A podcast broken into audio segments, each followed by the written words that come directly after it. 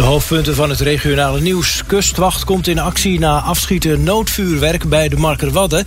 En Almeerse havenarbeider hielp jarenlang drugsmokkelaars in de haven van Amsterdam. Meer nieuws op omroepflevoland.nl.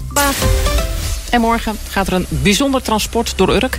Schepen van maar liefst 12 meter breed die moeten over de weg. Ja, daar moet nogal wat voor aan de kant. Goedemorgen. Flevoland is wakker. Een bijzonder transport dwars door Urk vanavond. Drie grote schepen van 12 meter breed worden vanaf bedrijventerreinen, bedrijventerrein Zwolse Hoek heel langzaam naar de haven gereden.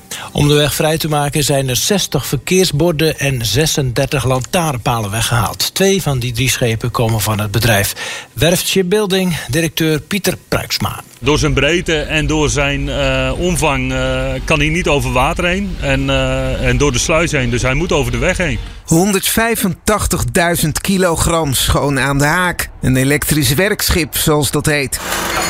Waar een jaar aan is gebouwd. Dit schip kan 100% elektrisch varen op accu's. En uh, zal hierbij ook uh, ja, meehelpen in, in de vergroening van de scheepsvaart. Zijn eerste project is in Rotterdam. Er liggen heel veel kabels door de Noordzee heen, maar eigenlijk over de hele wereld. Dit schip, het zijn geringe diepgang van maar een meter diep, uh, kan hier heel dicht weer bij de kust komen. Dus die kabels die kunnen wij heel dicht weer uh, aan strand brengen, waardoor ze ja, minder schepen hoeven in te huren. En dan gaat er vanavond ook een kotter op transport. Dat is een visserschip. Um, dat is eigenlijk weer uh, sinds een kwarte eeuw. Uh, dat is eigenlijk 25 jaar geleden. Dat is een uniek moment dat er nu weer eentje te water gaat hier op Urk. Samen met nog een elektrisch werkschip, maar dan van het bedrijf KW Trans, gaan de drie schepen vanavond op transport naar de haven. En dat heeft dus heel wat voeten in de aarde. Er zitten uh, nou, maanden aan voorbereidingen in. Uh, samen met de gemeente en het transportbedrijf hebben wij ja, heel veel voorbereid. Dus lantaarnpalen moeten weg, borden moeten de weg. de voertuigen die langs de wegen staan, die worden verteld van je mag hier vanavond niet parkeren.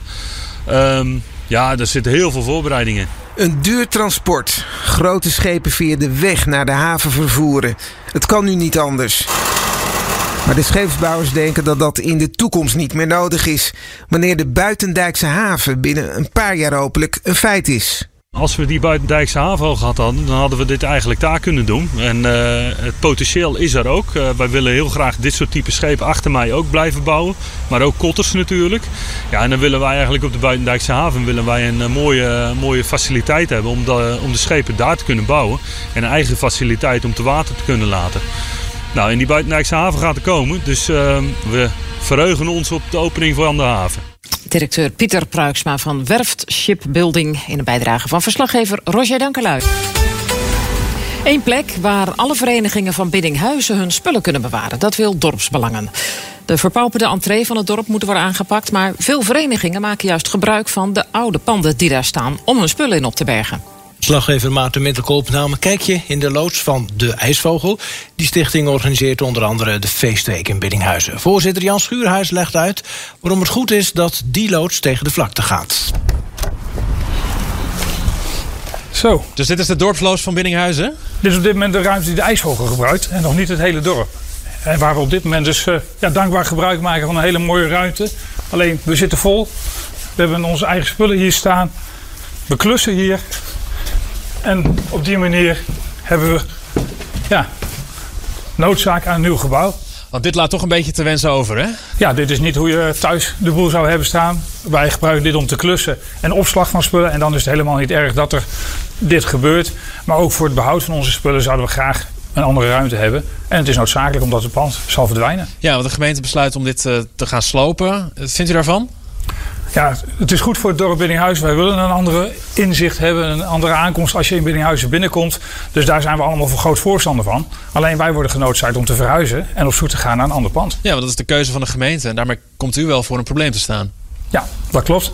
En dat is iets waar wij uh, met elkaar goed in overleg zijn op dit moment. Want we zijn uh, hard op zoek om op korte termijn iets te vinden waar we weer onze bezigheden dagelijks, maar met name jaar rond kunnen gaan doen. Gaan we naar Joris Heemskerk van de Dorpsbelangen hier in Biddinghuizen. Ja, er staan hier een hoop gebouwen. Die gaan eigenlijk allemaal gesloopt worden. Maar goed, daardoor moeten er ook wel weer nieuwe ruimtes worden gevonden voor de verenigingen die hier zitten. Hoe willen jullie dat gaan oplossen?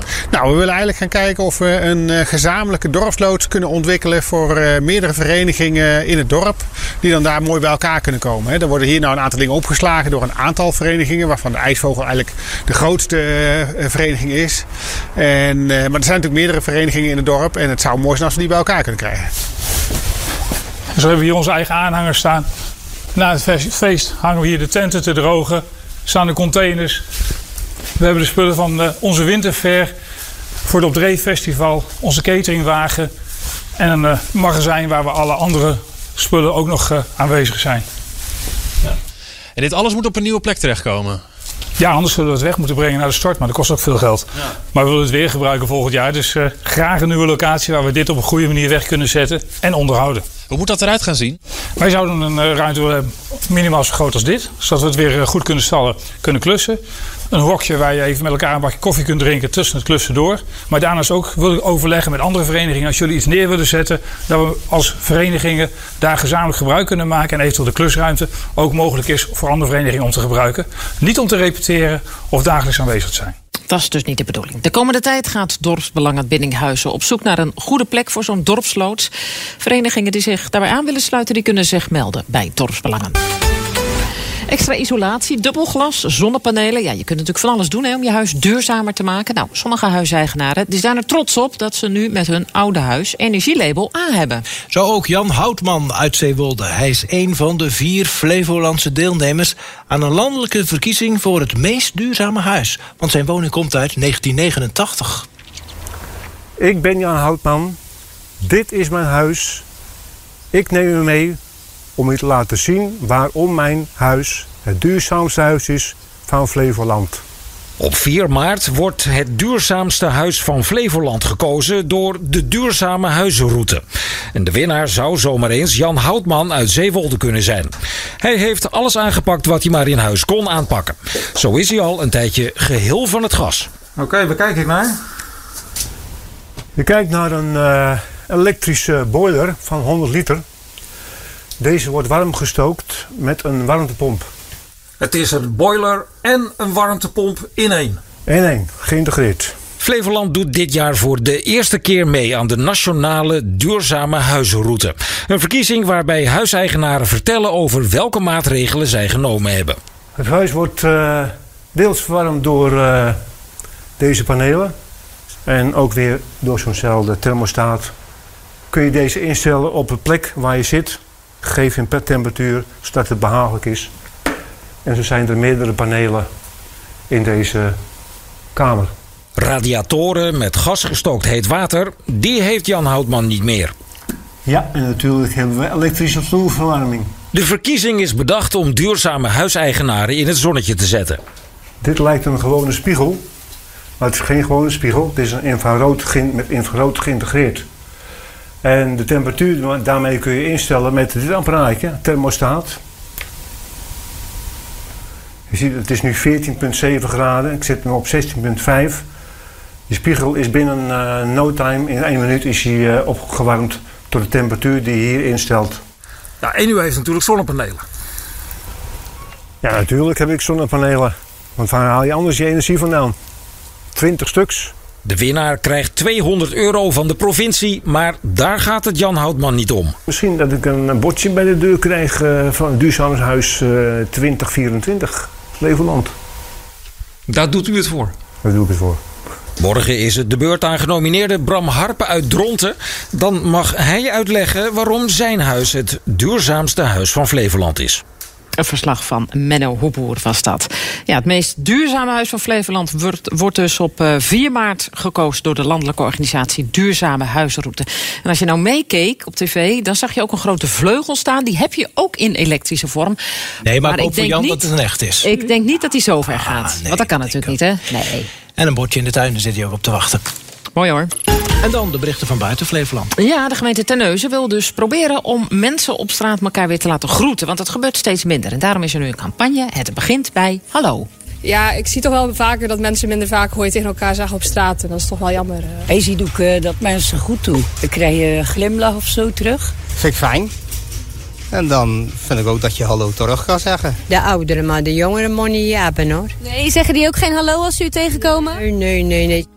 Oh, nou. Misschien uh, dan speciaal voor de jeugd. De gemeente zegt een simpele groet kan een klein geluksmomentje creëren. Voor bijvoorbeeld iemand die eenzaam is. Nou, zo simpel kan het zijn. Zeker. De Nederlandse regering roept Rusland op het lichaam van Alexei Navalny snel aan zijn familie te geven. Het duurt nog twee weken voordat het onderzoek op het lichaam van Navalny klaar is. De tegenstander van Poetin overleed vorige week in een strafkamp.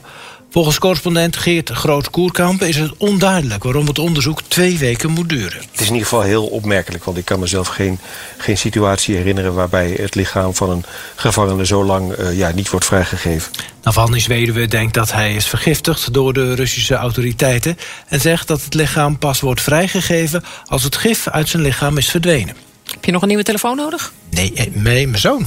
Oh, nou, dan hoeft hij niet, uh, moet hij niet naar de Apple Store in Amsterdam. He, dan kunt u een iPhone kopen. Maar nu even niet, want er zijn oh. opnames voor een film over de gijzeling in het pand aan het Leidseplein. Twee jaar geleden was dat. Het plein wordt daarom ook gedeeltelijk afgesloten. En daar heeft niet iedereen begrip voor, zegt deze verkeersregelaar. Nou, er was iemand die, die uh, niet echt wil luisteren, zeg maar. Weet je, die hekken staan er met een, met een, met een doel, zeg maar, om het zo maar te zeggen. Weet je, en dat hij uh, blijkbaar geen boodschap aan. Oh, sommigen vinden het helemaal geweldig. En ja, de anderen die hebben echt zoiets van... Waar de piep is dit voor nodig, weet je wel. Maar voor, over het algemeen is het allemaal positief.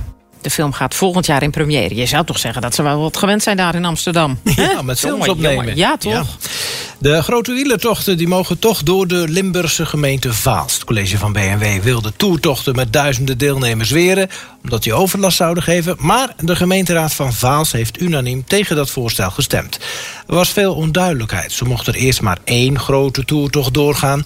Oud-topwielerrenner Tom Dumoulin vreesde daarom voor zijn geliefde Amstel Gold Race. Dus volgend jaar kan het prima zo zijn dat Limburgs mooiste... als andere grote toertocht zegt van... nou, wij willen eigenlijk wel met meer dan 5000 deelnemers door jullie gemeente te komen. Wij dienen snel die vergunningen uh, aan. En dan kan het heel goed zijn dat de Amsterdam Gold Race naast pot pist en dat je hier volgend jaar weer staat. Ja, dat zal dus niet gebeuren, zegt dus nu de gemeenteraad. Dus uh, als ik het even kort samenvat, dan zet je Tom Dumoulin in. Dan is de hele gemeenteraad is dan uh, om. Toch? Uh, ja, zo simpel kan het zijn inderdaad. Ja. En het waren ze, de berichten van buiten Flevoland. We staan voor dag en dauw voor jou klaar. Elke werkdag vanaf 6 uur. Flevoland is wakker. En er zit natuurlijk een meisje in de zaal die vindt dat heel prachtig. En uiteindelijk... Nou, volgens mij ontbreekt dat juist aan het eind. Of dat gaat gebeuren of niet. En het meisje draait eerst, uh, staat eerst met haar rug naar hem toe. Oh, maar later las ze toch lief? Met het nieuws, weer en verkeer in jouw provincie. Maar je hoort ook de actualiteit buiten de provinciegrenzen. Flevoland is wakker. Elke werkdag van 6 tot 9 bij Flevoland op radio en tv.